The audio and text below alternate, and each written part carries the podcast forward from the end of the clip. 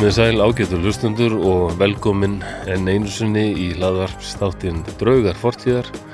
Ég heiti Flósi Þorgesson og með mér er hérna maður sem ég ætla bara að leifa að kynna sig sjálfur og hann segir okkur kannski aðeins frá um, þessu hlaðvarpsneti eða ja, ég, kannski þú útskýrir bara hvað hljóðkirkjan er, Baldur minn.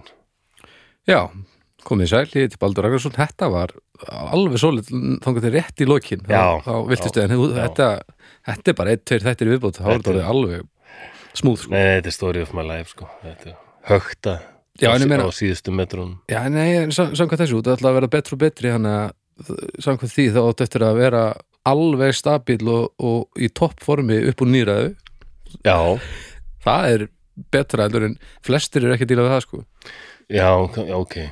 Þú, verður að topp, þú ert að toppa þannig að síðasta, það er ekki alls langt sko Já, ég hlakka daldið til nýræðisamælisins, ég var að segja það. það. er Já, það verður 2058.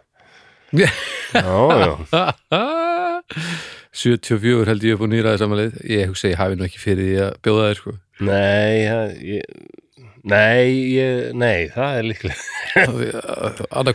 og sextán ár. örgulega erfileikum með að finna heimilisfang og ef þú ert á lífi þá ertu alls ekki að fara að mæta Nei, allir það. Hver veit, en svo flegir nú tækninni fram og kannski verða pínu litlir svona nanobottar settir inn í okkur til þess að ýmsar- partí Já, laga svona vefjaskemdir sem verða og bara við lifum lengur.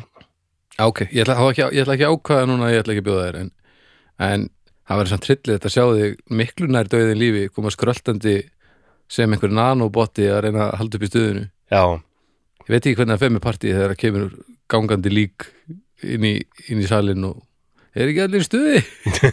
Segðu. en ég heiti Baldur Ragnarsson og hljóðkirkjar já. Það er svona, ég myndi segja þetta að vera hlaðvar samsteipa Er það orðið yfir þetta? samsteipa er nú ekki um það, þú veist að tala um að sement og Já, svona væri eitt af þessu sem að að þjóðin hefur tekið ástfóstri við. Já, ég held að steipa er er, er, er bara samsteipa er eitthvað sem að, að þjóðin hún kiknar í njánum við hún heyrir þetta. Samsteipa Já, þannig að við köllum þetta hlaðvar samsteipu eh, eins og staðin er núna þá telur þetta fimm hlaðverp mhm, það er uh, uh, á mánudum er það domstæður á miðgudugum er það við draugarfortíðar á fymtudugum er það snæpjutalaði fólk á föstudugum er það svo besta platan. Og svo einhvers stæðir í vikunni er kokkaflakk líka en þegar við erum að taka þetta upp þá erum við að vinna okkur aðeins í hægina því að eins og staðin er núna þá er rétt rúm vika ég eh, eigi að vera eignast samkvæmt bókun uh, erfingja nummer tvö mhm, Þannig að nú erum við aðeins að satna í sarpinn svo að ég geti nú stíða aðeins frá stúdíóinu þegar þetta brestur allt á. En að öllu ríkjum þegar þessi þáttu fyrir loftið þá er kokkaflakk uh, komið í loftið líka. Þannig er að, það ekki þriðudagurinn sem er laus? Jú, en það er líka spurning bara hvernig, hvernig Óli vil hafa þetta sko. Því að það megi alveg koma tvö hlaðverf út á sama degi, en vissulega þriðudagarnir laus. Þannig að það er svona líkum meinar beinast við en, en það er ekkert örugt í þessum heimi. Já, heitir hann Óli og er kokkur. hann, nei, hann er framreiðslu mestari og hann er með tíu sopa Já, hann er- tíu já. droppar var Og fýtstaður. gerði, já, mjög fýtt staður og kokkaflakk, náttúrulega sjónvars þættir á sjónvarspri Símans núna tvö, tvær serjur uh, komnar. Og meira held ég í bígerð. En á meðan ástandið er eins og það er þá fekk hann þessa frábæri hugmynd og heyrði okkur að- færa þetta bara í, í hlustirnar. Og nú er ég búin að vera að vinna þetta og þetta er gríðalag skemmtilegt Ok. dót og mjög skemmtilegt að hann í okkur og, og vilja gera þetta með okkur Þannig, að, og já, gaman að segja frá því að þá í þar síðustu viku þá í Snæpjur tala við fólk þá talaði Bibbi mitt við hann Já, þannig að ef þið viljið hérna, kynnast honum aðeins betur og, og hell ykkur svo í kokkaflaki þá er það kjörið tækifæri þannig að, ég Já. þetta gerast í hljóðkirkjunni já, ég heyrði það. já eh, hvernig ertu annars í dag? Alveg vansvefta. mannsvefta? Já, ég setti sjón, sko ég er að koma með fyrir hérna, ég, ég flutti svo litla íbúð þannig að nú á naumhyggjan að ráða för og ég ætla að ég er bara að horfa á hluti. Já. Er ég eitthvað að nota þetta? Hvernig nota ég þetta seinast? Ó, það er svo gott þegar maður kemst á hans stað Já, ég, ég var alveg upp á konu sem var svona horder. ég, Var hún? Já, mamma var alveg frábær karakter og svona, ég, það, var það var eitthvað að. ég hef aldrei getað greint hvað var með mömmu, hún er, hvort hún hafi verið okkur rófi eða, eða bara já, ég, ég hreinlega veit það ekki en það, þetta var ekki alveg eðlilegt hvað hún sankaði þessi dóti og bara vildi ekki henda neinu, það, Já, það var ekki eðlilegt sko. Og hversu djúft náði það? Áttu pizzakassa bara frá 65 eða? það lá við sko, það var alveg morgumblöð, menna ég Já, já. ég man ekkert tíman 90 og eitthvað þá bjó ég ennþá hjá mömmu og ég ætla að sem að mokkin komin og ég fór ekki að lesa á eitthvað bandaríkin, bandaríkin draga herlið sitt frá Vietnam og ég ha? Vá. En það, þetta var eitthvað 98 eða eitthvað Nei, kannski fyrir líklega Já. En allavega þá sagði bara, já, 75 ok, mamma, okkur þetta geima hérna 20, 20 ára gamla, gammal morgunblað, æ, þá var einhver afsökun, ég ætla að gefa einhver vinkonu minni sem myndi nota þetta eitthvað til að gera eitthvað rosa sniðut Já, ok. Er þetta til eða? Morgunblaðið? Já. Eh, Eitthvað af þessu dóti? Nei, við, hérna, þegar mamma fekk þetta alltaf að gossa bara? já, já, mamma fór á öllu heimili og þá réðumst við sískinin á þetta Já, ok. Vá. algjörlega sko, þetta var eitthvað skrítið en, en þetta, þetta hefur gert mér daldið harðan þegar ég er að flytja, þá er um að gera nota tækifærið og bara horfa á þessa hluti sem að taka upp úr gassunum sko. Þetta er bara svo erfitt. Það er svo erfitt að Já. henda ykkur sem að, en hvað ef ég gæti þurft að nota þetta? já, en þú, ég veit ekki, ef þú hefur ekki notað þetta árum saman, þá bara Að svolsögðu, þetta á að vera svona einfalt, en fyrir Já. sumum er þetta bara, það er bara það, enga veginn svona einfalt. já, gæti komið einhver tíma, en það gæti líka alls ekki komið tími þess að þú þarft á þess að halda þannig að þetta er, bara í 20 ár eða 30 ár Þetta er líka sko, þegar við fluttum inn í þar séu stíbúð við að vera, þá tókum við svolítið svona skrens og fyrir viki núna, þegar við erum komin á stað sem er miklu stærri og fullt af geifsluplássi og bílskur og eitthvað, það er bara, það er bara ekkert til í þetta, sem er bara Mhm. frábært, já, það er lúksus, Það er lúxus. lúksus nefnilega, sko. Þannig að þess, þess vegna er ég byrjar að safna fréttablaðinu, ég ætla ekki svona að fylla alla krók og kima. Ó, Nei, ég hugsi ekki það. Já, ég skil ekki þetta fréttablað, af hverju er verið að bera þetta lesið ekki allir á netinu voru fréttir, ég, Jó, pínur romantist en, en vissulega svona, einhvers áhugavert bröðl líka úr því sem komið er en ég menna við erum með kynnslóð lifandi sem að Já. vill geta bara kveikt á, á gufunni og, og sest niður í, í stólinn sinn og, og lesi blaðið yfir bollanum sko. jú, það er ákveðin það er eitthvað fílingur í því líka Já, en þetta er nú ekki langt eftir held ég Byrju, núna í dag er skemmir maður kannski ef maður segir hvað dagur er í dag nei, nei, nei, nei. Fólk er alltaf að hlusta á fortíðina þegar hlustar á drauga fortíðar við erum búin að taka þetta upp áður sko. Já, þetta er, þetta er eina staðrendur lýsins eina bláköldum staðrendur lýsins Þetta eru rættir fortíðar. Segja frá draugum fortíðar. Mm en já, mér svo stutt sem við vorum þetta var ekki fyrra dag bara, þá vorum við að taka upp þátt líka. Við vorum minnum bara í gær. Já, það var í gær.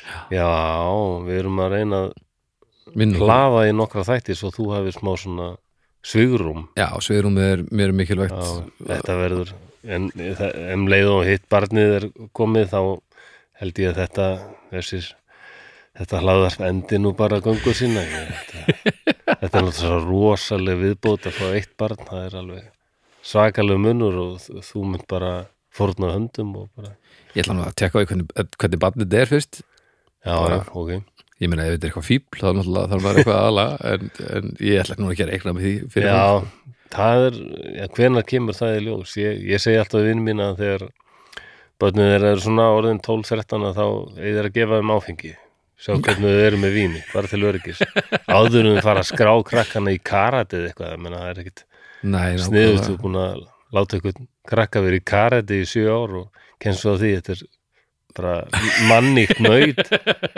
með víni, sko enda með skelfingu Já, ég skil. Þetta er ákveðin nálgun. Já, já Vestáin er óluleg, en þú veist.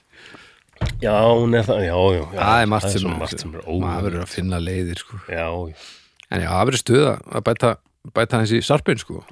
já, það er, það er, það er líflegt Það er líflegt á heimilinu Það versta er samt, sko, að, að þegar við eignumst Lilju, eigna, við erum bæði eignast náttúrulega fyrsta barn og vitum ekkert hvað við erum að fara út í fyrir eitthvað nokkur annar sem að Nei, er að gera þetta. Ég var sultu slakkur allan tíman einhverju vegna, sem er svolítið úr karakter mm, uh, en bara, ég var alveg pollaður en svo kemur náttúrulega ljós að hún sefur bara á nóttunni og líður bara vel, engar kveisur ekkert eyrna neitt mm. þannig að við eigum nákvæmlega ekki neitt inn í barnegna uh, karma uh, barnegna karma liggur ekki okkar megin. Þannig að nýja barnið það má eiginlega allt vera að og við megum ekki grænja neitt. Nei, nei, því við fengum svo ótrúlega uh, Já. lett start þegar maður kann ekki neitt og veit ekki neitt. Þannig að það má ímislegt ganga á núna að, að, að maður fer eitthvað hvart og hvena sko. en þetta er bara eins, ég er alveg pollaður ég veit ekki hvað, hvað þetta er. Strákurum minn var með bakflæði Það var aldrei, aldrei voðalegt Það var bara grenjað og grenjað allar nætur og maður vissi ekkit hvað var að. Þetta gengur frá manni sko.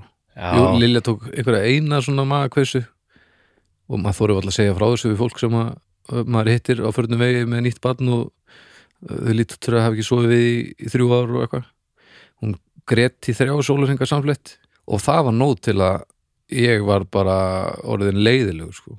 og ég var bara svo þreyttur og bara við vorum, þetta drefur ekki fram að það besta í manni. Nei, nei. Og e, það verið voða gott að komast hjá þessu aftur sko en, en ég gerir mér á sama tíma grein fyrir því að, að ég á ekkert inni hjá, Nei, hjá ímynda almættinu.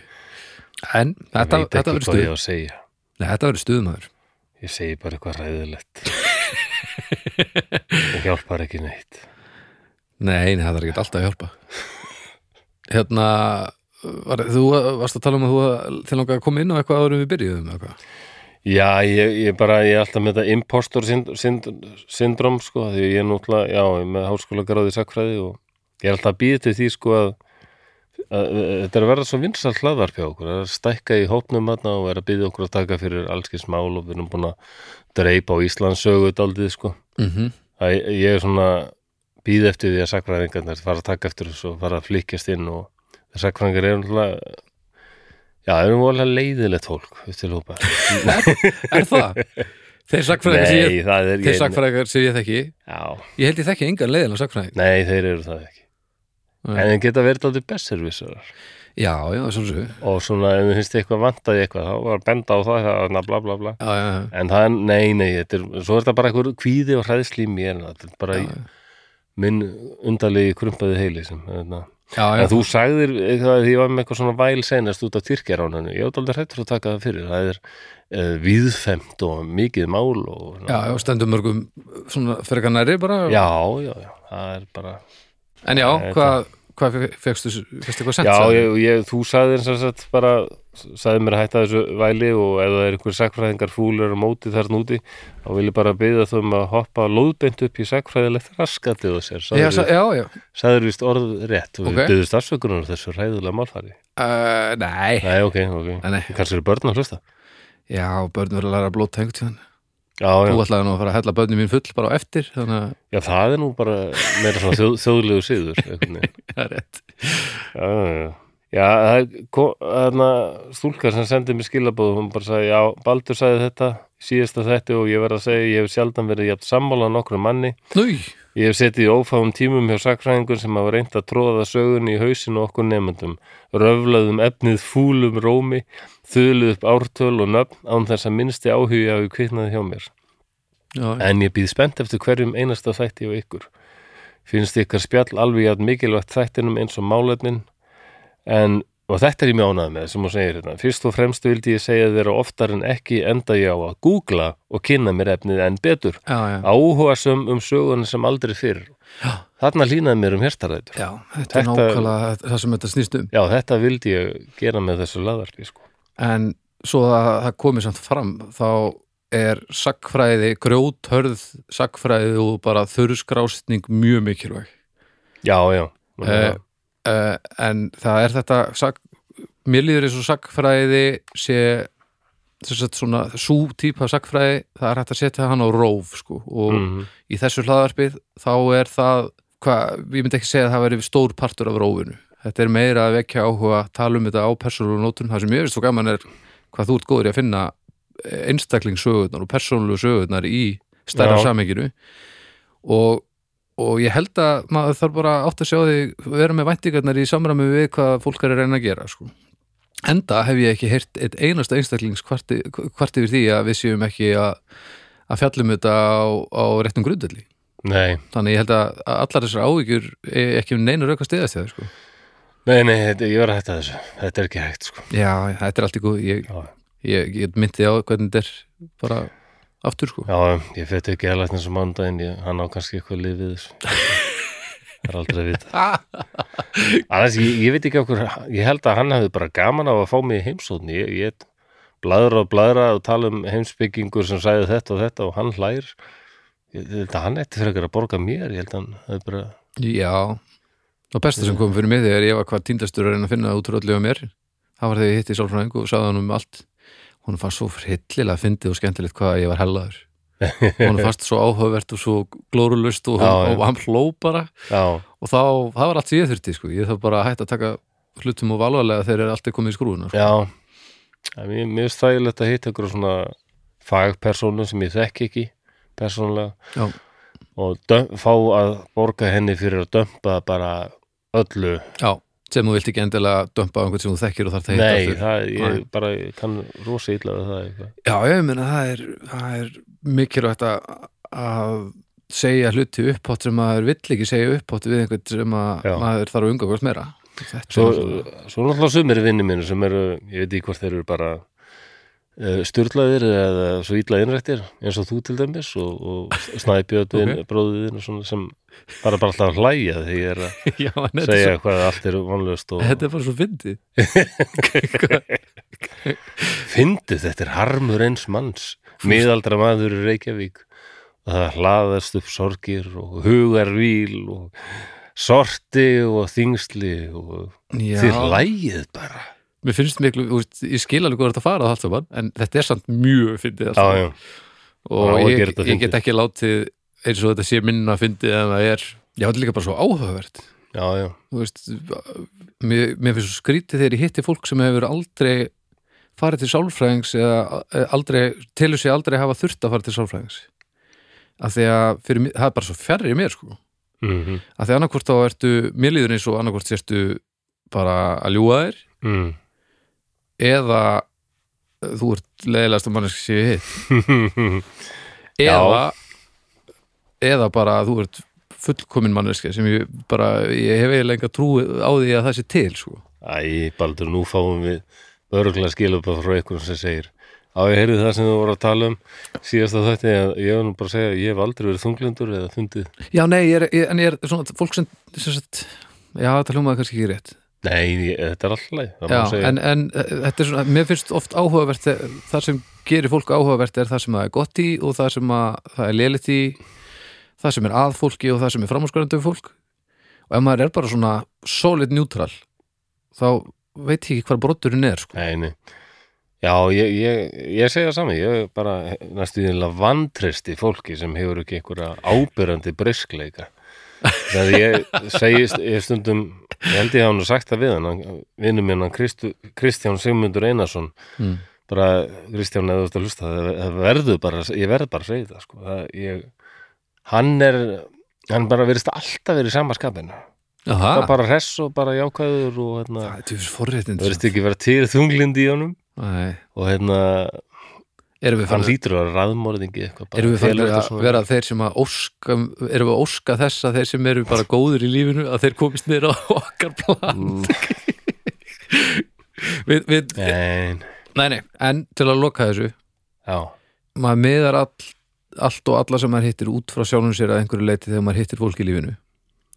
Þannig ég rekna með því að einhver sem að segir að það hafi ekkert gengið á og honum líður bara vel og það sé ekkert að þá miða ég alltaf við hvernig ég er búin að vera í gegnum tíðina. Já, og það er alls ekki búið að vera þannig.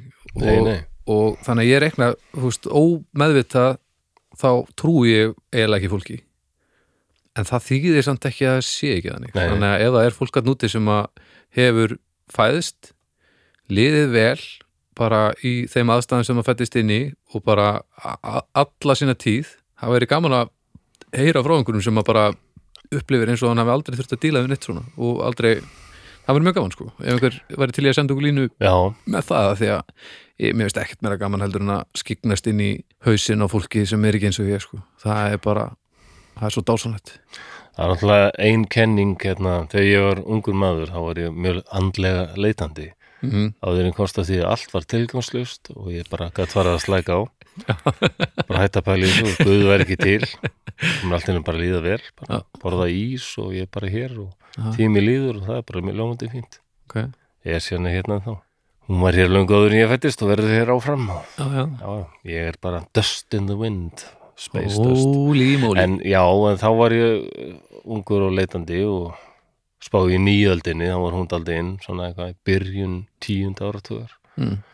þá komi fram eitthvað sem heit Mikael fræðin, hefur heyrt um það? Nei, Einu. Það var einmitt uh, svona nýjaldar samsull eitthvað sko. Ok. Og vinsæll á tímabili.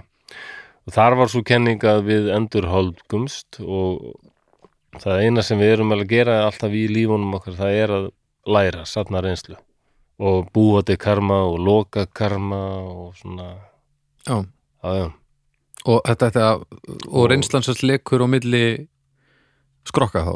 Nei, það er bara svona eins og faratæki, líka minn sko eitthvað. Já, Og sem sagt, þú- en þú- svo fæðistu í nýjum sem sagt, endurholgastu?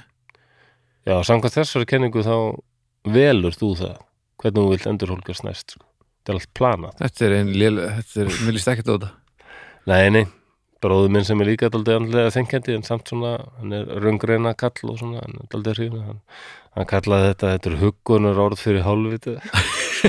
Hann er daldið hann er daldið svona harður oft. Ei, ég get ekki sett í sig ósámalur sko. Nei, þetta var svona Nei, líka þetta bara var daldið sölulikt að þessu. Líka þessi, já, þessi kenning líka bara uh, nú líður mér eins og ég vera búin að skilin einhverju umslók Það því að mér langar að vera þú veist, ég veit ekki flugmaður í næsta lífi og, og ég bara fæða ekki að því hérna, ég var hérna fimm dugum og setna skilin einhverju pappirum þannig að ég rotta í einhverju mýri. Já.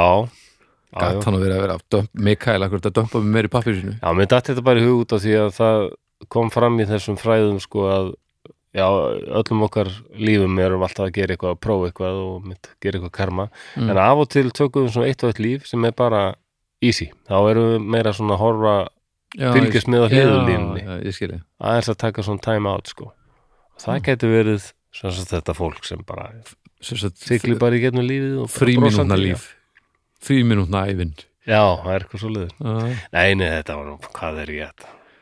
Taka þetta er fram? skemmtileg skemmtileg kenning og, og kolröng ætla ég að Eldgamla nýjaldar kenningar Já, já, þetta, er, þetta er svona Hvað, Mikael var þetta?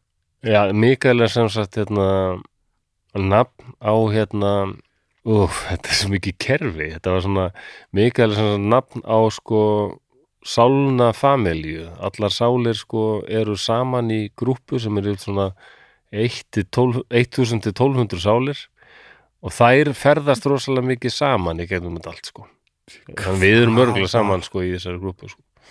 Djöfla Og- síra er þetta? Já og hérna allar sálirnar í þessari grúpu voru búnar með jarðvistina. Og þær voru sagt saminnaðar Já, og orðnar eiginlega meira svona ein, eining. Og er eiginlega verða orðin svona frekar svona guðdómleg en voru orðin sem sagt kennarar. Þetta er Vá, það- ég heyri bara í bongotrómu ringnum Shit, bara Já, já, ég var allur í þessu maður. Já, Þú var stólinn bara? Já, ég var með að skoða ykkur að steinabækur og svona ykkur að losa um hérna fymtu orkustöðuna. Mér fannst hún alltaf fannst hún alltaf eitthvað stíflið. Æ,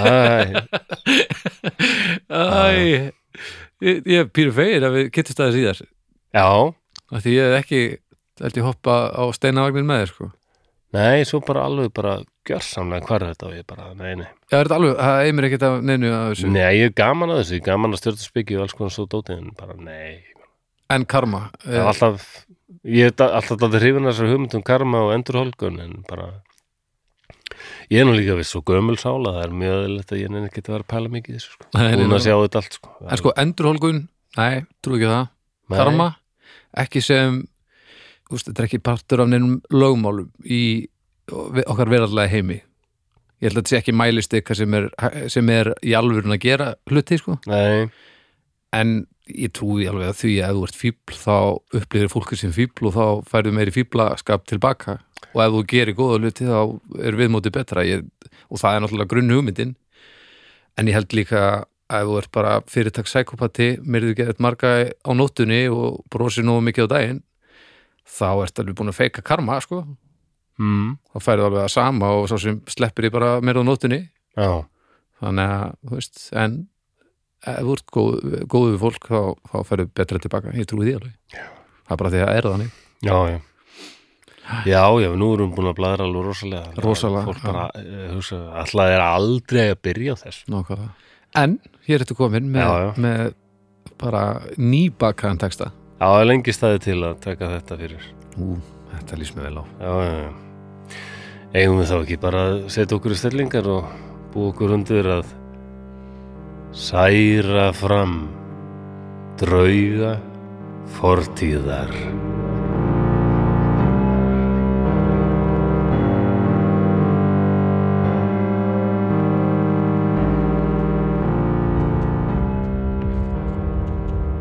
Þetta eru viðsjárverðir tímar. Það geysar stríð í Evrópu og víðar. Sem betur fer þá ákvað fasista svínið Franco ekki að draga spán inn í hernað brjálaðingsins í Berlín. Jadvel hann var ekki það vittlaus að sjá ekki að slíkt hefði verið algjört feigðarflan. Spátnir í rústum. Kommunismi og fasismi hefur gjör eðalagt mitt elskaða föðurland. Ég þekki það, því ég barðist með báðum fylkingum í borgarastyrjöldinni. Kommunistum og anarkistum annars vegar og fasistunum eða falangistunum hins vegar. Og nú hafa þessar skelvilegu hugmyndastefnur, fasismin og kommunismin, dreigið alla veröldina í eitt risastórt ófriðarbál.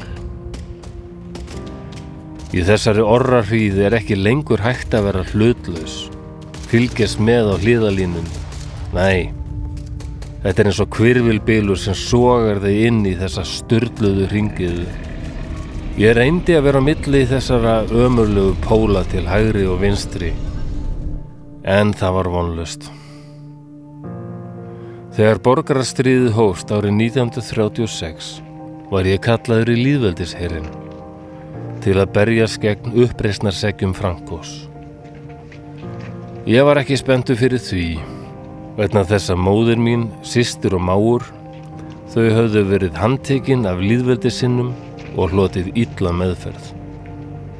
Auk þess þá hata ég herrmennsku. Ég reyndi eitt sinn að vera herrmaður Það var virkilega volaðu líf. Að vera á sífelt á hestbæki, ó, algjör kvöl. Og auk þess tengdi ég ekkert við þetta endalösa talum heiður og hotlustu. En samt elska ég spán. En indislega landið mitt er nú í höndum glæpamanna. Ég strauk úr líðveldishernum og gekk til liðs við fasista Frankós.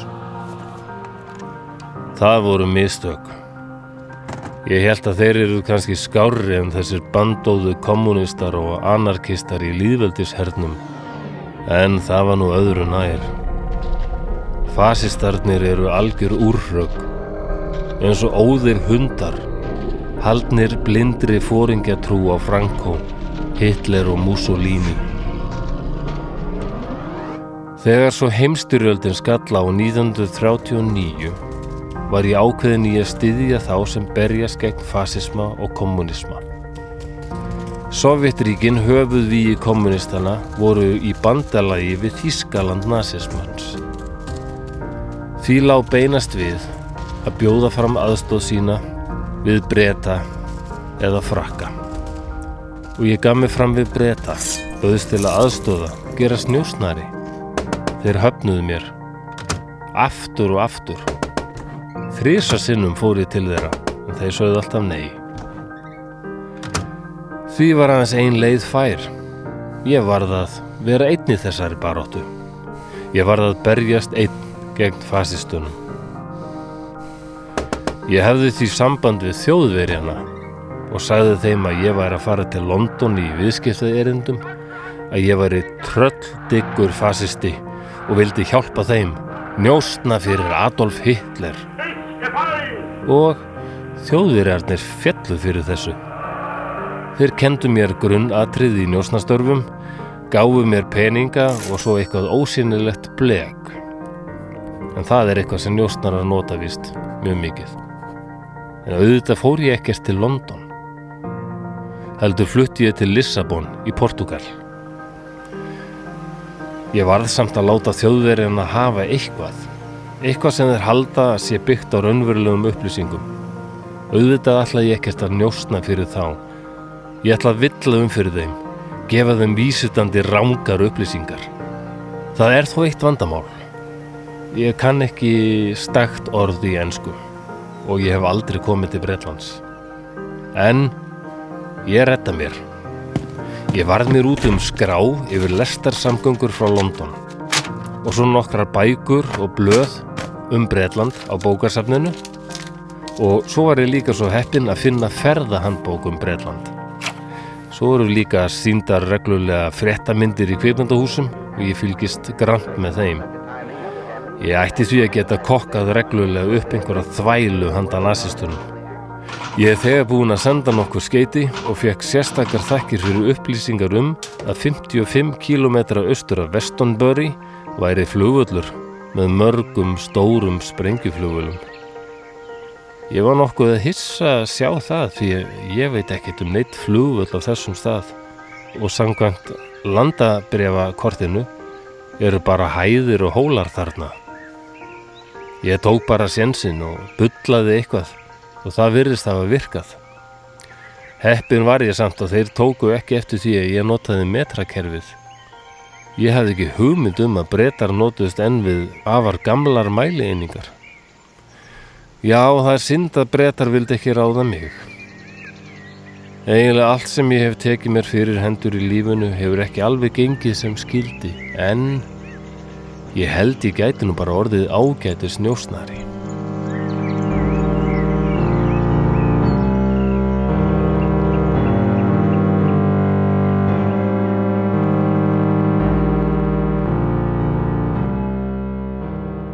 Er lestur lokið. Já, heyrðu, lestur er lokið. Það var, já. Þetta ekki daldið áhugaverð? Jú. Ég, þetta er náttúrulega, þessi maður er alveg magnaður, sko. Ég þekki þetta ekki. Nei, ok. Þetta er hins vegar að fylgir sér. Já, þetta er, þetta er eitthvað svo heillandi, sko, þú finnur, þú verður að bara leggja þitt að mörgum.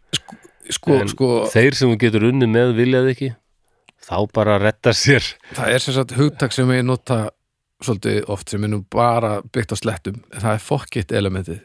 Já, og maður það er margir sem þurfa að virkja það í sér það er búið að vera mjög virt í mér mjög lengi fullvirt, margir segja kannski.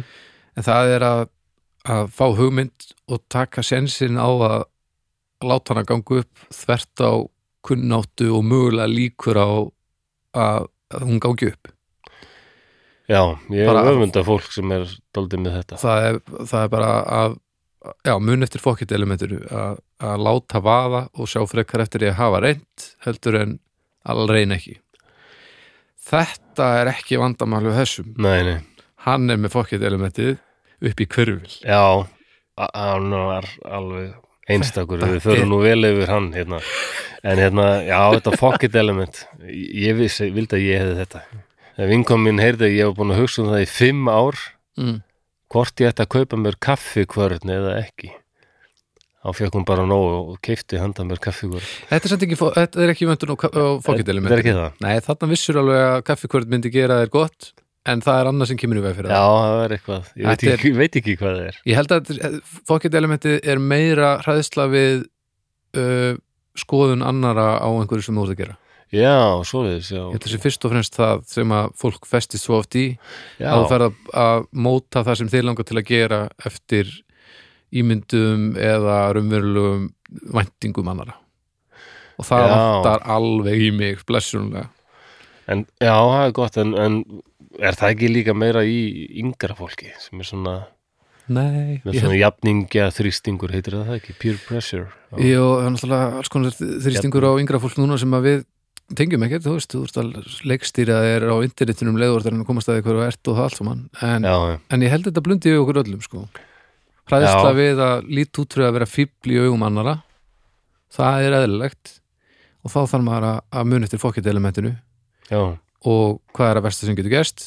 Og eftir 200 ár á einhver eftir muni eftir í sennilega ekki. Nei, mitt og þetta er mikilvægt sko. Já, já, en það. mér, ég hef þurft að hugsa um þetta með beinni hugsun bara til að þetta hefur komið upp og ég hef þurft að, að, koma mér frá því að vilja að sleppa því að gera eitthvað sem ég langaði til að gera. Ég held að það hafi bara aldrei neitt komið upp hjá þessum gaur. Ég held að það hafi aldrei hikkað þannig lagað. Ég veit ekki um ég hef ekki rekist á neitt líkan þessum manni sem hétt Juan Pu Pujol García Juan, Nei, Juan Pujol. Juan. það er ég að reyna að þykjast geta að tala með spænskum hreim. Uh, Juan Pujol García. Juan Pujol García. J-U-A-N. Já, Já, Juan. Juan. García bara. Og hérna já, hann fættur í þeirri ágættu borg Barcelona. Mm 14. februar, já, ammæli 16. februar næstu halv, já, ok. Nei 14. februar Já, 1912 ok og það mér datt hann í huga á þann að þe- þessir þetta, stundum í sögunni resmára fólk sem einmitt eins og í sumir herfóringar og svona, mm -hmm. svo hann eitthvað að reyna að lifa á friðartímum sko og gekk ekki neitt sko var bara alveg Mm. klúður öllu og svo kemur stríð og þá brillaður Já, nákvæmlega og hann var búin að reyna í mislegt hann var búin að reyna að vera hermaður fannst þetta alveg bara þessi ægi og bara einmitt á þetta tala um hýður og hotlustu alveg bara Ég held að hann hafi, hann var alveg, hann, hann er eitthvað svona svindlari og prakkari og hérna í honum og svona bara góður blekkingamestari sko. já, já og greinlega með sterkar skoðunir hvernig hann vil hafa hlutina Já. og það þar sýnist mér djöfull mikið til að hann, hann viki frá því sko. Hann, hann hérna sem, já, hann búin að reyna að vera hermaður, reka kvikmyndahús og reyna að verða búfræðingur, til að verða bóndi og eitthvað svona. hann var það sem við köllum í dag aðtapnamaður Já, allir það ekki, þetta er það. Já, ég hérna. held að ef maður er búfræðingur og kvikmynda eitthvað, átt aðtapnamaður En þetta gekk allt mjög illa sko. já, Og hjónabandi var ekki gott sko. já, hjónaband líka Já, já, en hann sem sagt er í báðum herjum hann, nú veit fólk kannski ekkert um sögu spána en það var óbúðslega borgarstyrjöld á Spáni sko, einmitt brýst út þarna 36 og hann er líkur bara eitthvað svona tveimur til þreimur árum setna sko. mm þá er Spán alveg í klessu sko -hmm. og þetta voru svo ofsalegir pólar þetta voru falangistar voru þeir kallaðir sko mm sem Franco leiti, Francisco Franco -hmm. Þeir voru, já, þetta var svona máli kallaða fasista það var mjög fasist Já. Allt eitthvað. Og á hinbóin þá voru með þarna líðveldisherin það voru svona bara kommunistar sko, og anarkistar saminnaðir Mhm. þetta voru rosalega pólar og Pújöl var bara illa við hvort tvekja sko og var þetta, snýrst þetta fyrst og fremst um völdi í öllu landinu eða var þetta, um- var þetta Katalóni landsvæðamál eitthvað eða hvað Já, þetta var mjög landsvæða skipt en þetta Já. var þetta var nú uppræðanlega bara að hafa gerðu uppreist sko, þessi nationalistar eða þjóðverðni sinnarnir Já. Gerðu uppreist undir stjórn Frankós Já. hérna, Þetta, já, þetta var náttúrulega bara fyrst og fremst til þess að, djöflast í honum Spátn var að verða rosalega kommunist sko. Já. Akkurat. leist ekkert á það Þannig að það var bara Nei, Þetta var, var veginn ljót borgarastyrjöld og var alveg margir myrtir og ókislegar pyntingar og, og báðir aðeilar voru að fremja allskis hermdarverk og svona já, já, já. Það var ekki mikill stemmari fyrir kommunismu á þessum tíma Nei, Alls, ekki allstaðar sko. Nei, það voru margir rosalega hrættu við hann. rosalega hræslega maður Já, oft uh, er talið að nazistar og fasistar hafi þeim hafi gengið daldi greiðlega að ná völdum á sömum stöðum út af því að fólk var bara svo hrættu kom, kommunista sko. Já, akkurat en, en Pújól sem sagt hataði bæði kommunisma og bara fannst þetta að vera alveg bara sama tópaki Já. og hann var þá líklega líðræði sinni bara og hann er líka Já. hefur kannski smá svona royalisti þetta er aldrei bara hrifin af að hafa konung og Já. svona. já, já hann var hérna, hann lendi einhverjum ógöngum þegar hann var að koma inn í fasista herin sko, hérna og fast þessi flokks, eða þessi fóringi hollusta þar fyrir ógislega og, og bara dýrka ykkur að sterka menn hérna, Hitler og Franco og og hann, að hann var meira að segja, hún var hendi hendi í sko dýflissu og, og lamin bara þegar hann misti út úr sér að hann væri nú alveg til í að hafa bara áfram konung. Fyndi samt að vera svona á móti stjættaskiptingu eða svona einhver sé yfir öðrum í þessu formi vera samt á rauðjalisti já, til í kong en ég er ekki til í að sé einhver yfir mér hérna í, í hernum. Nei. Hún fannst þetta kannski bara ágætt eins og þetta var áður sko. Já, kannski, einmitt. En hann, það, sem hann, það sem hann var sem sagt hann er frægur fyrir það, hann var gagn njósnari. Og það er svona double agent það er Já. sem sagt, sem maður útskýri það fyrir hlustundum eða það er til dæmis að Pujol njósnaði fyrir þjóðverja eða það heldu þjóðverjar. Mm en í raun var hann að njósna fyrir breyta og hérna hann var að láta þjóðverja hafa upplýsingar sem annarkvort voru villandi og trubluðu eða hömluðu einhverju eða bara hann var að svona íþingja þeirra njósna batteri já, og vá hvað hann gerði það sko. Hann er, hann sem maður hefur verið ykkur snillingur það er bara ok.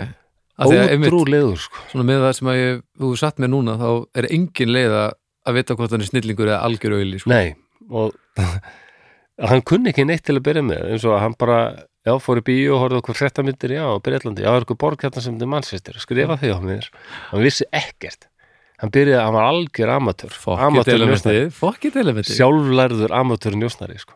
það er illa glæslegt og hann, en hann gætt sendið mér skýslu um það að hann hefði tekið ykkur lest frá liðupúlti mannsvistir og passaði sig að hann var með lestartöflutnar sko, það stóðst allt. stemdi allt sko og- en hann gerði gerði allskins klúður sérstaklega klúðraðan rosalega þegar hann, já, hann rugglaði að metrakerfinu. Hann notaði það heilingi hann segja því að og svo hefðu þjóðverðar sko þeir sögðu eftir stríði sko bresku njóstaröður að það sé fárálegt að þjóðverðar hafi ekki Átti- einu sinni sko bara, er þetta er eitthvað furðulegt. Já, já.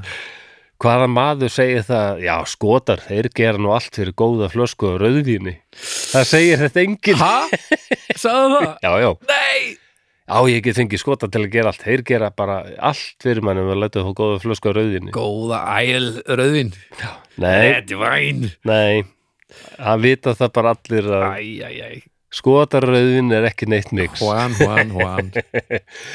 Þess maður geta það með þess að skotar voru bara fyrir fimm árum það var sett á markað held ég fyrsta skoska vínið ræktaði í Skotlandi. Já, og það fekk dóminn, hérna, hefur heyrtum það nei það fekk dóminn bara að þetta er ódrekkandi viðbjöður já, bara þeir hefði eitthvað annað sem þeir eru góður í.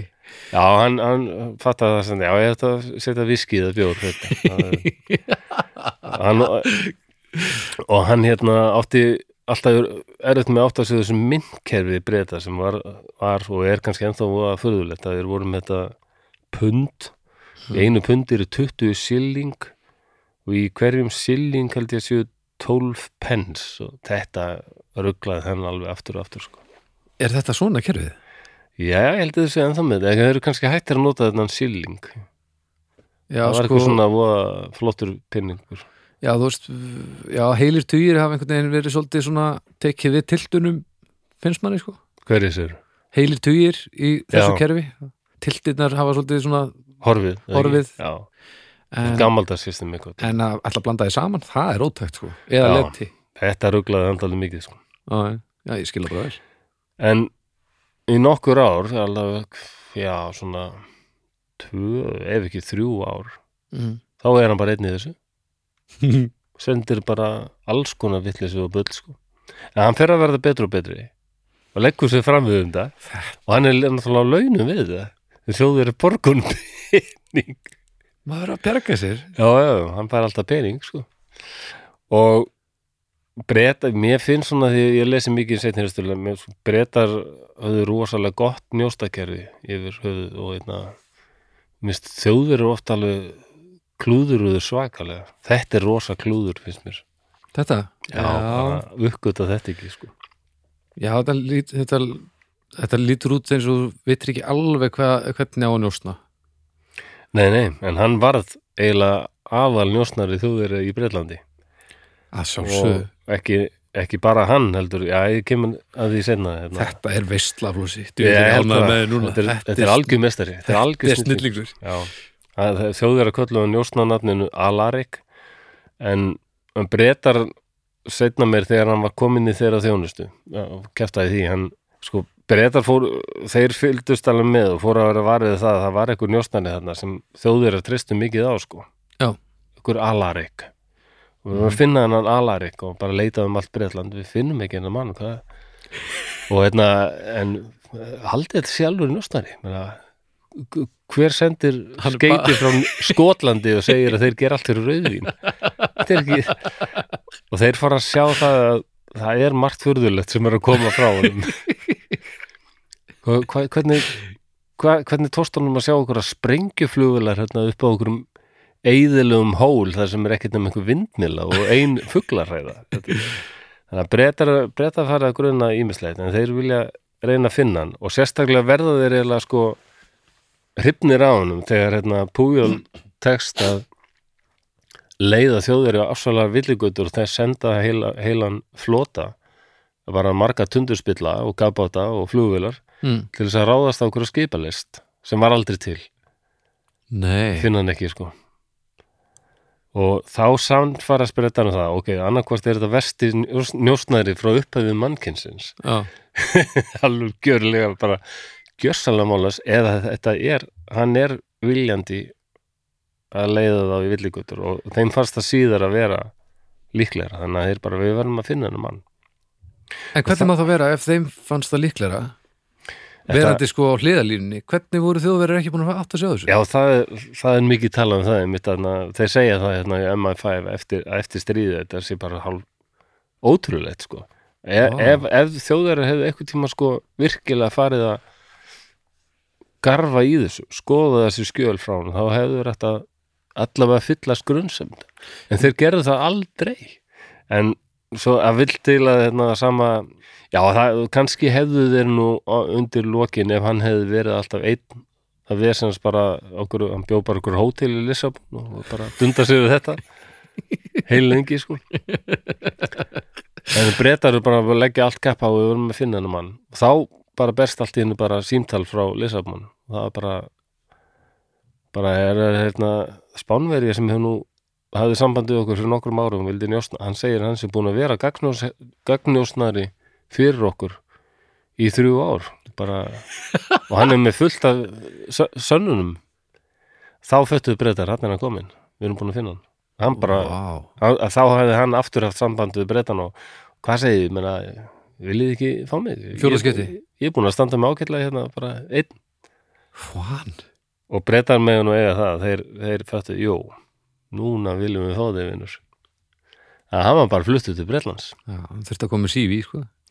og þá þá var þetta auðveldara fyrir, fyrir hann, já, sífið maður.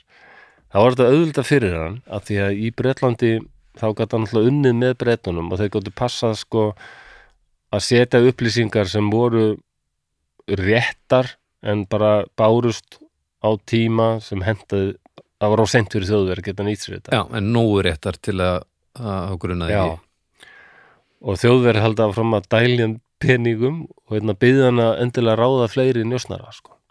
því að hann segist vita, hann segir hérna, hann hafi kynst sko einhverjum indverskum þjóni sem hati breyta meiri en nokkuð annað, hann er ráðinn og einhver hérna ekkja í Liverpool sem hefði hérna mist eiginmann sinni í stríðinu og hataði breyta fyrir að vera í þessu stríði sko og bara vildi frekar hjálpa þjóðurum og alls konar svona lið var búið til, þetta var aldrei til.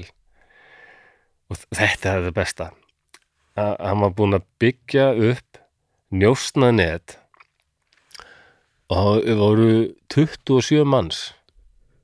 27 tískir njósnarar í Breitlandi og þau höfðu öll öllum stéttum og, og öllum aldri og kynjum öll einhverja sögu og bakgrunn en þetta lið var aldrei til Engin, nema hann Nei, nei, þetta var bara hann og einn, einn það var eitt hérna félag, hérna, einn hann hjá breskulegin þjónstun sem vand aldrei mikið með heit, sem heit Thomas Harris minn mig, mm.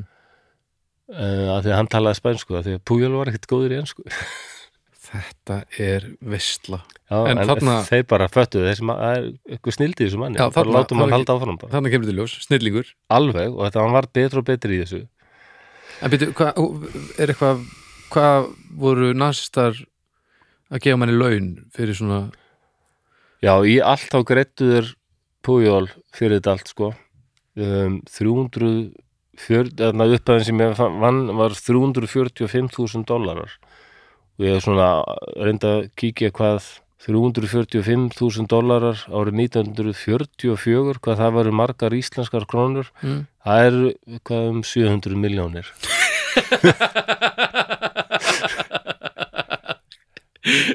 Já. Þetta er náttúrulega æðið Þetta er ævintýralegt og hann var svo sko stundum þurfti náttúrulega bara já, hann þurfti að láta sem hann njósnar að deyja stundum sko. Já, þetta var stríð sko. spyrja, getur þess ekki kanna þetta og þetta og þá láta vera eitthvað rót á þessu sko. Já, til dæmis var hann einhver maður sem var látin deyja og byrtist nei, byrtist minningagreinu blöðum um hann sko. Mm, þeir föttuðu það, þjóður þurfa að sjá það hann er dáinn sko. Á einn njósnarinn okkar dáinn sko.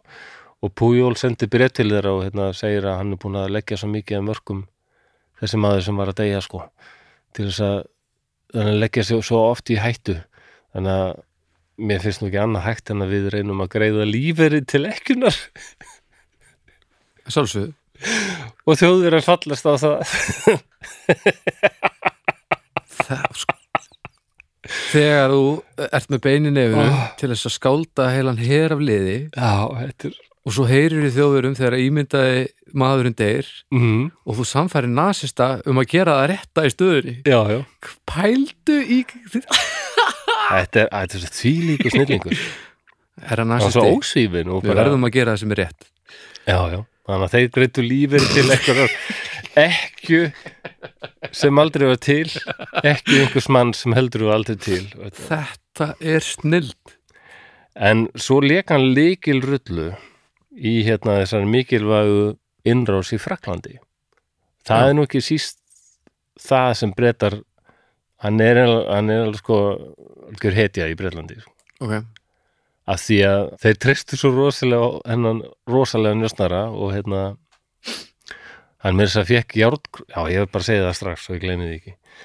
Hann, mér finnst það einna best sko, hann fekk járnkrossin fekk hann? Sem yfirleitt er bara þeir sem voru sko ví, í vílínunni fengu, fengu járnkrossin Já, nákvæmlega. En hann tótti bara að standa sér svo frábærlega og leggja sér í svo mikla hættu. Þannig að hann bakvið fyr- fyrir, hérna, í, fyrir aftan vílínur óvinnarins var beint í óvinnarlandinu. Þannig að þeir leta hann fyrir járkrossin og það var eitthvað sem Hitler sjálfur þurfti sko að skrifa undir sko. Nei. Og hérna, hann gæti náttúrulega ekki fengi járkrossin af því að hann var í Englandi það var ekki þetta að senda hann í pósti á þess að, að breski njóstarar og auðvitað hýsa svo eftir stríðið þá vildi hann nú eiginlega fá þennan járkross samt. Hann var samt alveg, hann, sko hann fekk heiðusmerki frá báðum aðilum. Hann fekk náttúrulega alveg bara rosa heiðusmerki frá brettum en hann hafði líka fengið hann í járkross að hann hafði sambandið fyrrum tengilsinn í Þýskalandi bara árið 1947 eða 8 eða eitthvað eftir stríðið. Já, og hérna, já, það er leiðilegt að við töpuðum þessu stríði, sko, en hérna en þú veist að ég, ég var nú sæmdur í árkrossinum en ég fekk aldrei medalíuna sjálfa heldur þú getur sendt mér já, auðvitað. Þetta er snillingur. Þannig að hann fekk árkrossin sendan í pósti eftir fall Þýskalands. Maður sem bara hafði unnið rosalega með því að Þýskaland myndi tapa þessu stríði. Þetta, þetta er þetta þetta er snillingur. Al, Já, þetta, þetta þetta er svo svona algjör raun snillingur. Þetta er svo dásalleg ósýtni maður. Oh. en samt hann var, hann var að gera það sem hann vildi gera. Hann vildi bara berja skeitt nazist, fasistum og kommunistum sko. Nákvæmlega.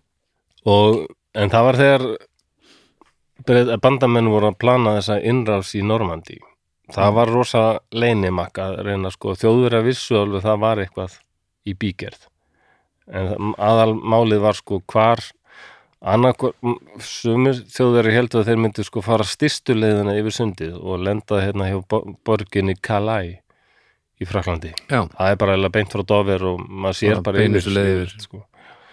en þeir ætluðu sem sagt að fara til Normandi sem er lengri leiðið já, en hérna það var einhvern veginn að sumir sko ef mann rétt að fannst Rommel líklega að þeir myndu lenda þar. Ok, þannig að það voru eitthvað svona tókstreita hjá þjóðurunum um það sko hvort hefur að hafa viðbúnað í Calais eða hérna Normandi ok. Sumum fannst bara að það er alltaf augljóst fyrir það að fara styrstu leiðin yfir. Þeir reyna eitthvað annað sko. mm. en og það var búið ákveða það að færa tölurinn liðsafla, liðsafla niður á Normandi ok, og níunda og bara um það leiti sem innrásin er að eiga sér stað mm þá sendir hann mjög mikilvægt sko alveg bara very important bref langt bref og nákvæmt sem fer beint fyrir augu Hitlers sko. Hitler lesi þetta bara. Hann segir sko þið verðið að trúa mér að innröðs í Normandi er blekking. Ja, og þarna, þeir eru með rosalegan eh, sko hersöfnuð hérna bara þannig dover sko, það sem er styrst. Það er fullt af, hérna, af flugvölum og, og skriðdryggum og hérna, þau getur rannsaka ef þau sendir könnunarvél þá ættu þau að sjá eitthvað sko, er hérna mm. og hann lísti því bara vel og það var að vissuleiti rétt. Það var fullt af hérna, flugvölum og skriðdryggum já, en uh, þetta var allt svona, þetta voru allt blöður það var bara uppblásið dót eða búið til úr tré. Já, það var fullt af svona gerfi flugvölum og skriðdryggum og fattbissum og allt sko. djöfis múf já. Og, og Hitler sjálfur bara gefur skipun, nei, þeir, það verður kalli ég er samfæður um það. Bara eftir að lesa þetta bref frá þessum aðal njósnar okkar í Bretlandi þá bara já, við, við skulum búast við og þeir voru með mest herlið í Calais sko. Vá, þetta er samt þetta er nú sannlega stærsta múið sem hann, hann hlýtur að vera þetta já, stærsta múið þetta, sem hann þetta gerir þykir hérna, það er búið að skrifa bókum hann sko, og sá sem skrifa hann sagði þetta er alveg hans stó, stóra múf sko. Ég menn þetta er bara þetta kúvendir atbyrðurásinni Já, þannig að þeir hefðu það hefði orðið harkalegra og meira blóðbað. Kannski hefði nú líklega þessi innrást tekist en hún hefði kannski verið miklu erfiðari og, Já, það sem kemur í kjölfari líka náttúrulega strömmnar eru ekki Já, þetta var strempið leiðina inn í Þýskaland var strempin nákvæmlega fyrir bandamenn sko.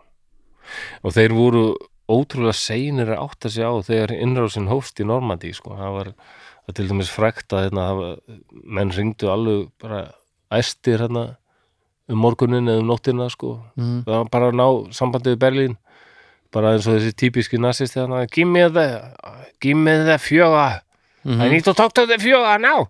Mm. og, hérna, og hann Hitler frétti svo sent að þessu að því menn þorði ekki að vek Æ, já, Hitler svaf alltaf langt fram eftir sko. Það þorði ekki að vekja fóringin þannig að alltaf býða, býða eftir hvað einn maður hefur að segja um þetta. Það- Já, þetta er ekki, þetta var eins og Stalin það voru allir tippland á tánum þegar, að, þegar Stalin er að hann að deyja. Jú, jú, er er ekki að tekka á að því að hann getur hrokkju upp áttur já, þetta er svo styrlað eitthvað. Djúðum maður búin að búa til trúandi nærveru þegar að nennir enginn að vekja mann. Úf maður. Það er líka að þórir enginn að vekja mann. Allar lýsingar af þeim sem hafa hitt Hitler sko, við horfum kannski á myndir á honum hann virkar bara hálf komískur sko, bara fáránlegur sko. já, já. uh, sumir haldan hafa verið pínu lítill hann var það ekki, ég vil taka það fram hann var svona 172 cm eitthvað svo liðs ok. Bara meðalmaður. Já. En hann var svo vitlaus að vera alltaf með lífverði úr SS þeir og þú þurftir að vera yfir ef ég mann rétt 1.80 til að bara geta komist í SS Já, já, og þeir eru alltaf miklu var það hann virkaði lítill. Hvað það blundaði sem svolítið prins í, í, í Hitler. The artist formerly known as prins sem var alltaf með, með, með en nei, hann fattaði ekki að samu prins. Hann, prins var alltaf með, stórar, nei, lítið fólk í myndböndunum hjá sér, þannig að hann hann lítið það stærri. Já, já, Hitler var einmitt ekki á þeim báti hann var meira svona að, að hverfin í umhverfið í Já. risana. Var prins ekki hann var bara fánálega lítill 155 cm hann var bara alveg mjög lágsin vá, hann svona, hann fór á háa hælana og, og Já. valdi sér fólk eftir stærð og svona. Sér hann aðeins gítar líka? Ha. Hann einhvern sér hann aðeins gítar sem er kannski verið minni eða já, allavega, hann, hann fann leiðir sko. En ekki það að ég, ég er nú ekkert vissum að hafa allir pantað að vekja prins þú veist, Nei. því að hann var nú ekki alveg eðlilegur heldur. Nei, það er mjög góð lýsing hérna þar sem leikstjórin hérna Kevin Smith. Já, Kevin Smith, þú séð það? já, Þannig að lýsa þegar hann kynntist prins Það er opbáslega það fyndið fer heim til hans og hann getur tekið upp lög í öllum herbyggjum og, Já, já, hann á að vera að taka heimildamynd uh, tók eitthvað heimildaefni um hann sko. Og samskiptin þeirra á milli Já, já. ótrúleg. Æðisleg. Já. Er benda fólki á það, það er öruglega á YouTube. Já, Kevin Smith að tala um þegar hann hitti prins, Já. það er algjört gull. En Pújól, sko, það var þeir pössuðu samt upp á, sko, við erum alltaf að láta þjóður hann hafa eitthvað svo þeir fatt aldrei neitt, þannig að eitthvað að þessu þurft að vera svona semigaglegt þeir, þeir, og þeir sáu það þegar konnuna vel flög hérna yfir fyrst sko, að það virtist vera fullt af ykkurum skritrugum hérna, mm. sem hann hefði sagt. Þetta var bara allt blöðrum og tré. En líka um innrásina sjálfa þegar hún var hafin þá senda hann upplýsingar líka. En það ba- barst á seint eila til að vera gaglegt og það hjálpaði líka hann sendi skilabóðin klukkan þrjú um nótt en þjóður að voru eitthvað svo ósalega grandalöðsir hérna, það voru kannski bara mjög uppteknir hérna í austri líka held ég já, Ég hef kannski aldrei verið með svona an, an, hugandaldið í austri, ekki tímyndum með það. Var rauði herin var bara, með mörg járn í eldirum rauði herin var orðin alveg mulningsvél þarna sko, þessum tíma sko. já, Já, hann sendi skilabók klukkan þrjú um nótt og hún, hann fær svo ekki svar fyrir bara um morgun, eitthvað um 8-9 sko. Mm. Og hann sendir annað skeiti sko, alveg brjálaður í þessu. Hverslas helvítis viðvanningsleg vinnubröð er þetta þegar maður er að leggja sér í stór hættu og svo bara menn svona seinir að taka til. Bara ef, ef ég var ekki svona grjótharður aðdándi fóringins þá myndi ég bara hætta strax á, bara á punktinum sko, þetta bara gengur ekki. Og hann fekk náttúrulega afsökun að beinu og nei, nei, nei, nei, við tristum svo afvegalega nasista og skamma á. Já, þetta er snilling algjör snillingur. Ég er svo fam- sammála því. Ég held að allir í hópnum okkar verði sammála því að þetta er algjör mistari sko. En hann var líka breyskur, það kemur í ljós síðar. Það er eitthvað svona þarna brillera, hann. Hann var frábær í þessu. Okay. þeir breytaðar sem hefur talað við eftir stríðið og svona, þeir segja bara hann var bara ossalega góður í þessu sko. mm. hann var ekki svona blekkingamistari já, akkurat. Blekkingamistarin frá Barcelona ú, er nafnið á þæðinu með þetta er nafn á þættin það já, næs. Og já, hann er einn af þeim fáum ef, ef ekki svo eini sem fekk heiðusmerki frá báðum aðilum í stríðinu. Og mér finnst þetta mjárkrossin, mér finnst þetta alveg frábært. Vel og svo ekki. Eftir stríðið hérna. það er þokkalur æsbreykir sá skápurur en svo eftir lokstríðsins þá, eins og margir aðrir, þá var hann kannski daldið svona týndur. Og hann hérna allt innu var þetta bara búið sko. já, hann, og hann var eitthvað hrættur um það að hann yrði kannski myrtur af einhverjum reyðum narsistum sem já, kemist að snóður um þetta. Þannig að það var sett upp enn eitt leikrit, hann fer til Angóla ok. og þar deyr hann innan gæsalappa úr malaríu. Og það er alveg já, byrtar greinar í breskum blöðum og, og minningagreinar. Að Juan García sko, hinn frægi Garbo brettar kölluðan Garbo. Garbo, já. Já, þeir gáfu honum það nafn sko, hérna að þeir voru spáði, hann þarf að eitthvað dulnefni mm. og þá saði þessi Thomas, víst, ég menna þetta er líklega held ég þetta sé nú bara besti leikari sem ég kynst þáttur að vera ekki leikari. Ekki ekki, nefna hann eftir bara besta leikara veraldar samtímars sem Nákvæmlega. húnum fannst Ga- Greta Garbo, Mm, vel gert. Hétt hann alltaf kallar Garbo mm. en þjóður er föttuð aldrei neitt sko. aldrei. Það finnst mér líka alveg briljant þetta er vel sér við kynnaður en Pújól, hann- þarna gerir hann eitt sem ég finnst alveg undarlegt, hann flist til Venezuela mm -hmm. og hann átti samt ennþá eiginkonu og börn á Spáni. Ok, og þau heldur líka bara hann hefði dáið þannig í Angóla og er bara verið jarðaður. Já, heldur bara um dáin og svo líða bara ára tugir og hann hefði í raun alveg getað hérna, gefið sér fram miklu fyrr. Ok. Af því að það var alveg ljóst já, nokkuð fljótlega að það var engin, engin hætt að þessum gamlu narsistum sko. næsta reyfingin var í lægð. Já, þeir voru einhvern veginn, já, já, nei, nei bara gera eitthvað annað. Mm -hmm.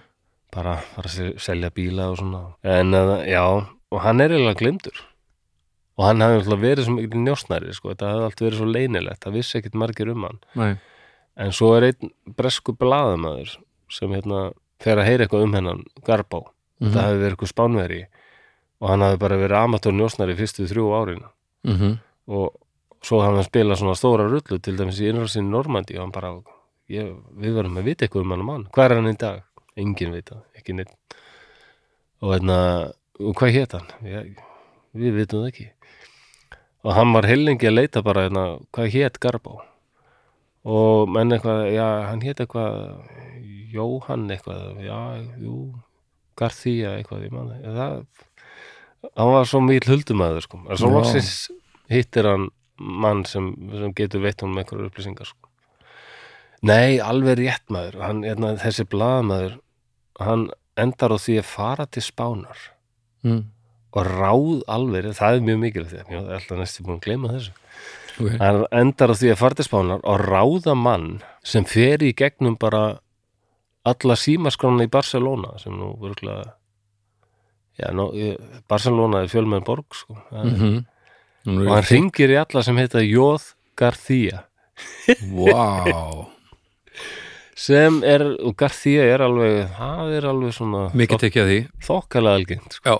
Já, þetta er Og- nokkuð síntöl og Juan eða eitthvað svona sko. En á endanum þá- verið með skífusíma. Þú hefur að tekið langa tíma. En á endanum lendur hún einu sem bara hérna, ja, nei, ég er nú bara fættur hérna 75 sko, en hérna, ég er nú bara 22 ára eða eitthvað, en reyndar sko þá er hérna frendi minn, það geti passað við hann sko, hann hétt Juan Pujol García. Ok, og þá er þeir, já við vitum, þá ættum við að vita hver þetta er. Og endanum komast þar að því að skrifa hann bara grein að það sé talið að hann sé núna í Venezuela hafi verið þær í mörg ár. Já, ok. Þá bara byrti skallinn bara. Labbar bara hennar skristofu MI5 já ég sá að greinum mig þannig að mér dasti í huga helsu upp á ykkur. Alltaf al, algjört legend innan bresku njósnaþjónustunar Vá, algjör góðsjótt sko. og þá, þá hittir hann bara hérna, royaltíð sko, hérna, hittir á Sitt fólk. langan fund með, með hérna, Filip hérna, eiginmanni drottningar. Já Eiri eiga virkilega skap saman og hérna, Já, Já, nú skrítin kall Filip, ég veit ekki, hvað- hann er dáin held ég Er það veilsmennið? Já, hann var alltaf hann var alltaf að móðga eitthvað fólk. Já, segir bara eitthvað svona hreint út. brotur í honum? Já, alveg voðalegu sko. Var hann ekki ve- veilstenging? Ég veit ekki, Nei, maður ekki. Getur verið. Þetta kongapakk. Já, ég er náttúrulega eins og mamma sko bara ég helvitis kongapakk. Já, allinni þessu. Já, já, Já, ég menna, Rósa, ég bjóði í Danmörku og mamma kom í heimsóð og ég fór með hann í Rosenborgar kastala það sem eru öll svona jú dönsku, ég kannski sagt fyrir þessu áður. Uh, Nei, ég hef bara komið hana Já, láfið hún væri bara rækjandi í allar áttir sko. bara, ég bara hættur hún alltaf að fara að brjóta hluti þarna, gamla konan sko. bara, sjá þetta, uss, allt í gull og silfrin meðan allþýðan svalt helvítis kónga pakk hún var alveg já, já, Já, hún er ekki- ekki hrifin af allir aðrir túristar hérna, ú, á, ó, hvað þetta er flott kóróna, anskotnars rakkara pakk og alltaf með þetta orð rakkara pakk, Rakkarapakk þetta er æðislegt orð. Hún hefur verið lélu njósnari, mamma Hún ég ekki setið á að ekki þetta En hún hefði haldið vel utan um skjölin. En nei, mamma var bara sinn karakter sko, fór aldrei neitt í felum með það. En það er ein kenning með okkur var hann sko, þannig kemur hann hann og eiginkona svo börn, börnin orðin rík fullorðin Já, hvað árið er hann að að láta sjá sig í þarna? byrjun eh, eitthvað cirka 82-3 í byrjun nýjunda áratugar sko. ég meina, hvað er 40 ári eitthvað að liðin En af hverju mætir hann þá? Er hann blankur eða? Nei, hún er hans bara, já, já, allir hann sá að vera að skrifa greinum hann og fólk var að spá í hvort hann var ennast á lífi þá, Bara staðfest það? já, já Já. En konan hann sagðist alltaf að hafa haft grunnsendur um að hann væri en börnin urðu vist frekar svona sjokkarið og ekkert ánæðið með þetta. Nei, og það hefði aldrei verið svona spekulerað okkur fjandan gerði hann þetta? En uh, það verið kenningar upp um það að hann hefði, verið eitthvað skömm af því að hún tókst eitthvað illa að fóta sig eftir stríði sko. bjóð bara hérna í Venezuela en, en náungin sem skrifaði bókinum hann mm. hann vil meina frekar sko að hann var svo góður í þessu að skapa personur að í honum sjálfum voru kannski marga personur sko. já, þú mennar að hann fyrir hérna Venezuela og fyrir að ganga með einhver stykk gleru og rakar hárið hann er svona, hann er næstum hálf sköllóttur og lætur- sér vaksa skegg, hann breyttist mikið í útliti. Ok, og þessi náungi sem skrifaði bókina vildi bara meina hann hefði eiginlega jafnvel sko bara voruð hipster. Já, já hann er mjög hipstilegu sko. Hljómar hann já, já, ég byrti eitthvað myndir á honum. Þannig að hann hafði bara festst í þessari persóni í Venezuela hann var, Já, ekki, já, var ekki lengur Juan á Spáni bara, bara, já, vá.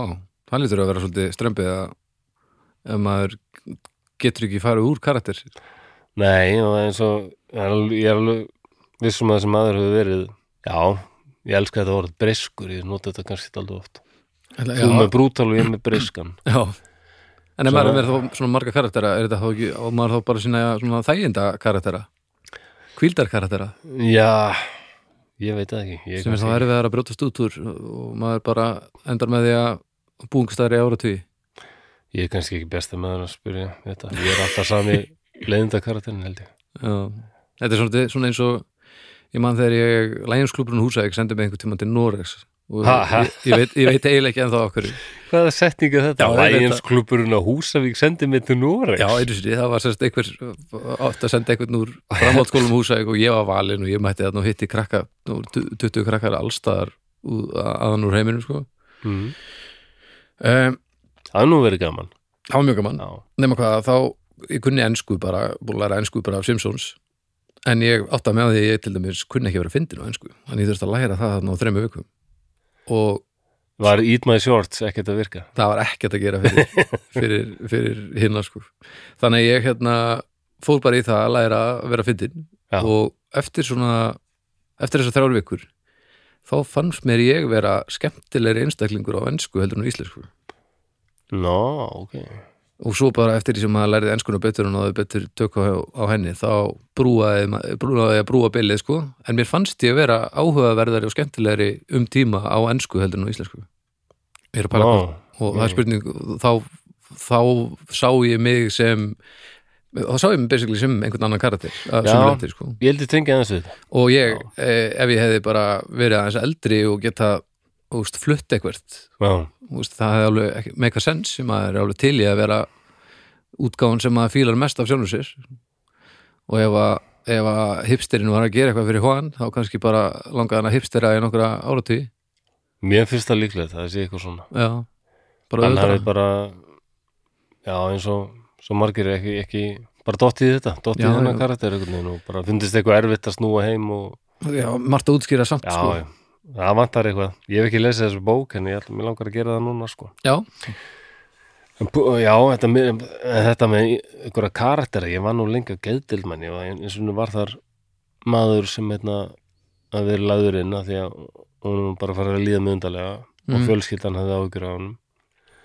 Og indelt maður og rólegur sko en hérna og svo hérna hitti ég hann eitt daginn og bara, ja, hvað er þetta? Herðu það? Já, ég er búin að fá greiningu ég er að fá greiningu bara gær hérna. já, hvað, hvað vilja þér meina?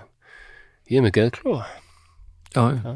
já, já já, nú reynum maður bara að takast á það og fara eitthvað líf og þetta. en uh, ég sá að hann var með skákborð fyrir fram að sig og hvað, ertu bara að teppa þig sjálf að því? Já, ég held að maður ætti nú að vera góður þessu fyrst maður væri með skitsofrenju en það er bara er alls ekki rétt.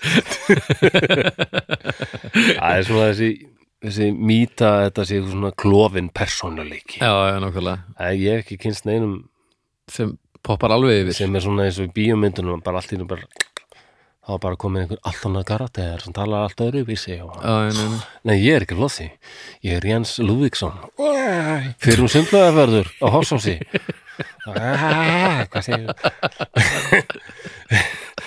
Æ, Ó, því held ég að vera miklu erfið að taka upp þetta podcast með Jens.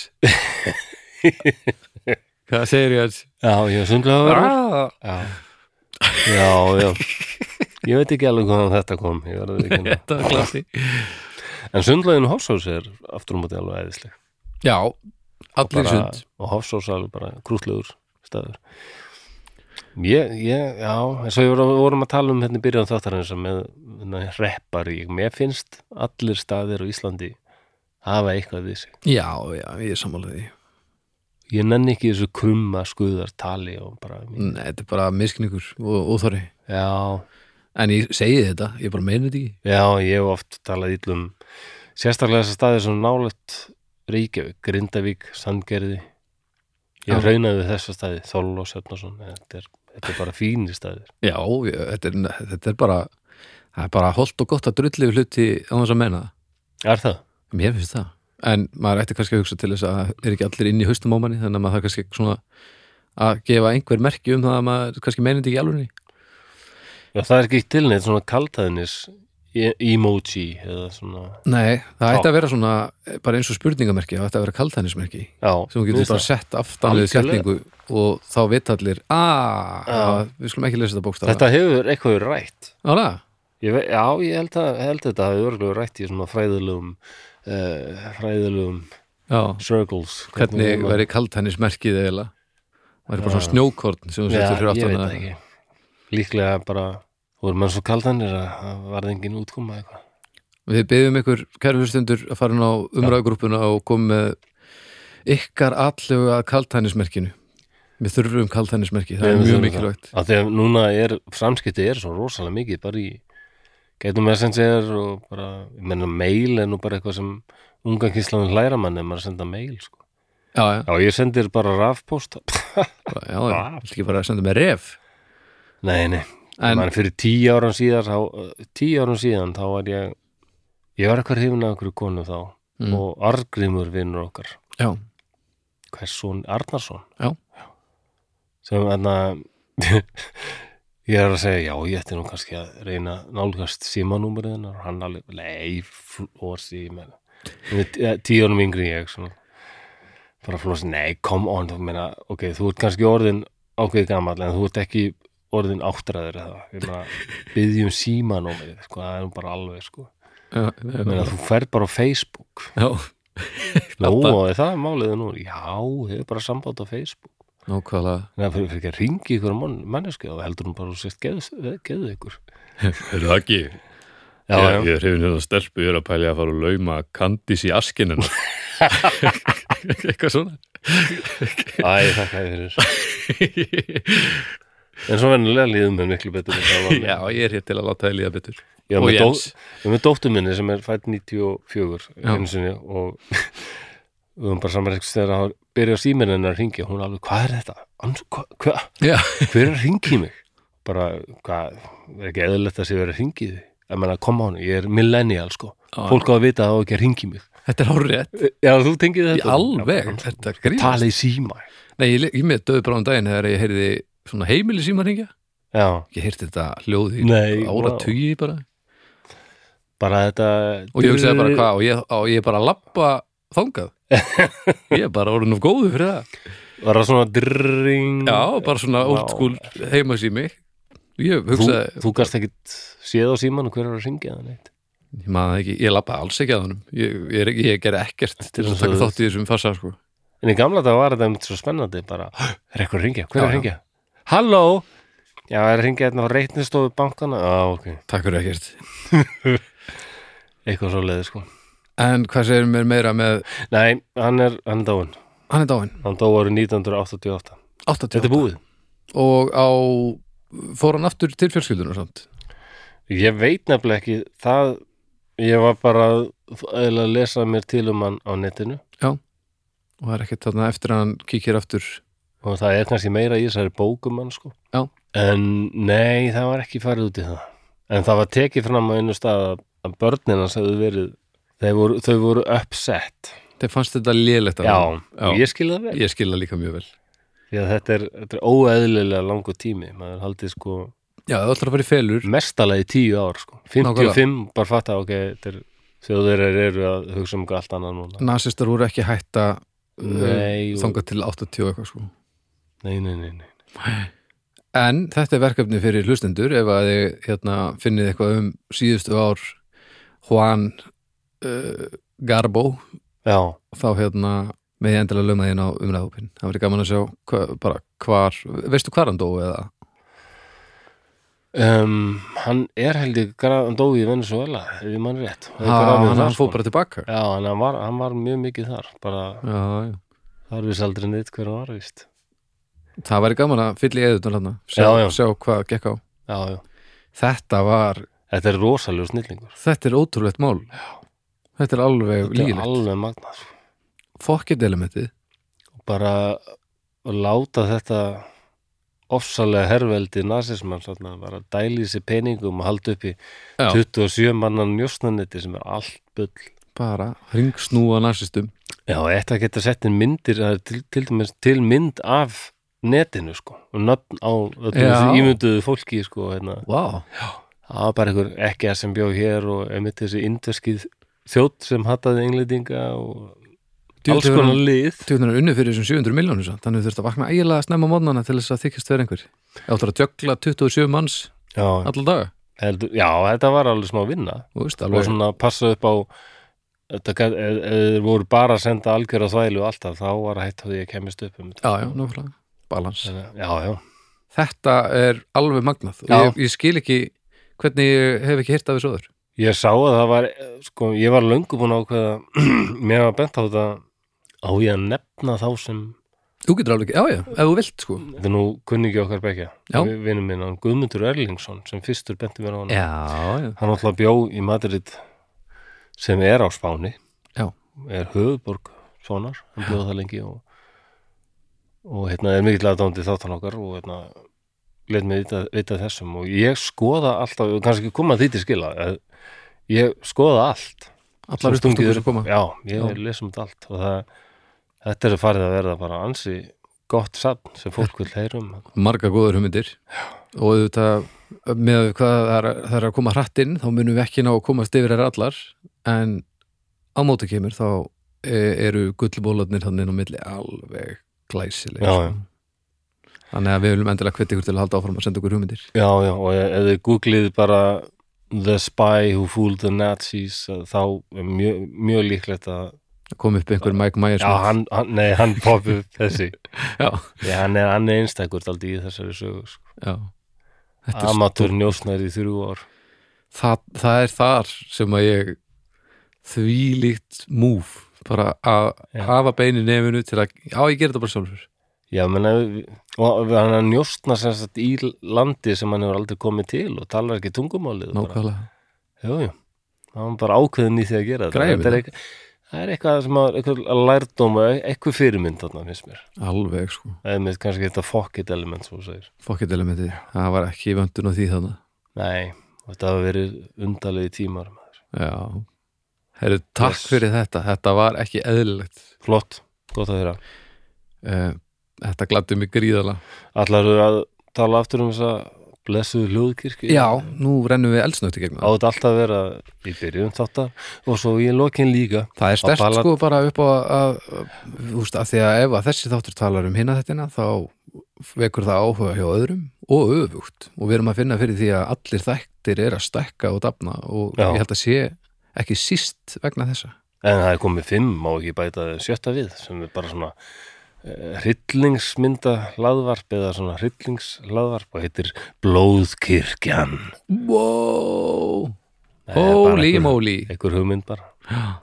Ég var reyndar viðtali hjá uh, hvað heitir það? Riff, Já, ég sagði frá því alveg rétt. ég skuttlaði ég ekki Já, það er rétt, þú gerir það. Já. Þú varst mér sá réttum stað Ég átti að fara nákvæmlega út þar sem þú sagðir Er. Það ekki? Þetta var hann að sem Pipar TB 2FA var til húsa. Já, sem Bibi var að vinna. Já. Snæbjörn.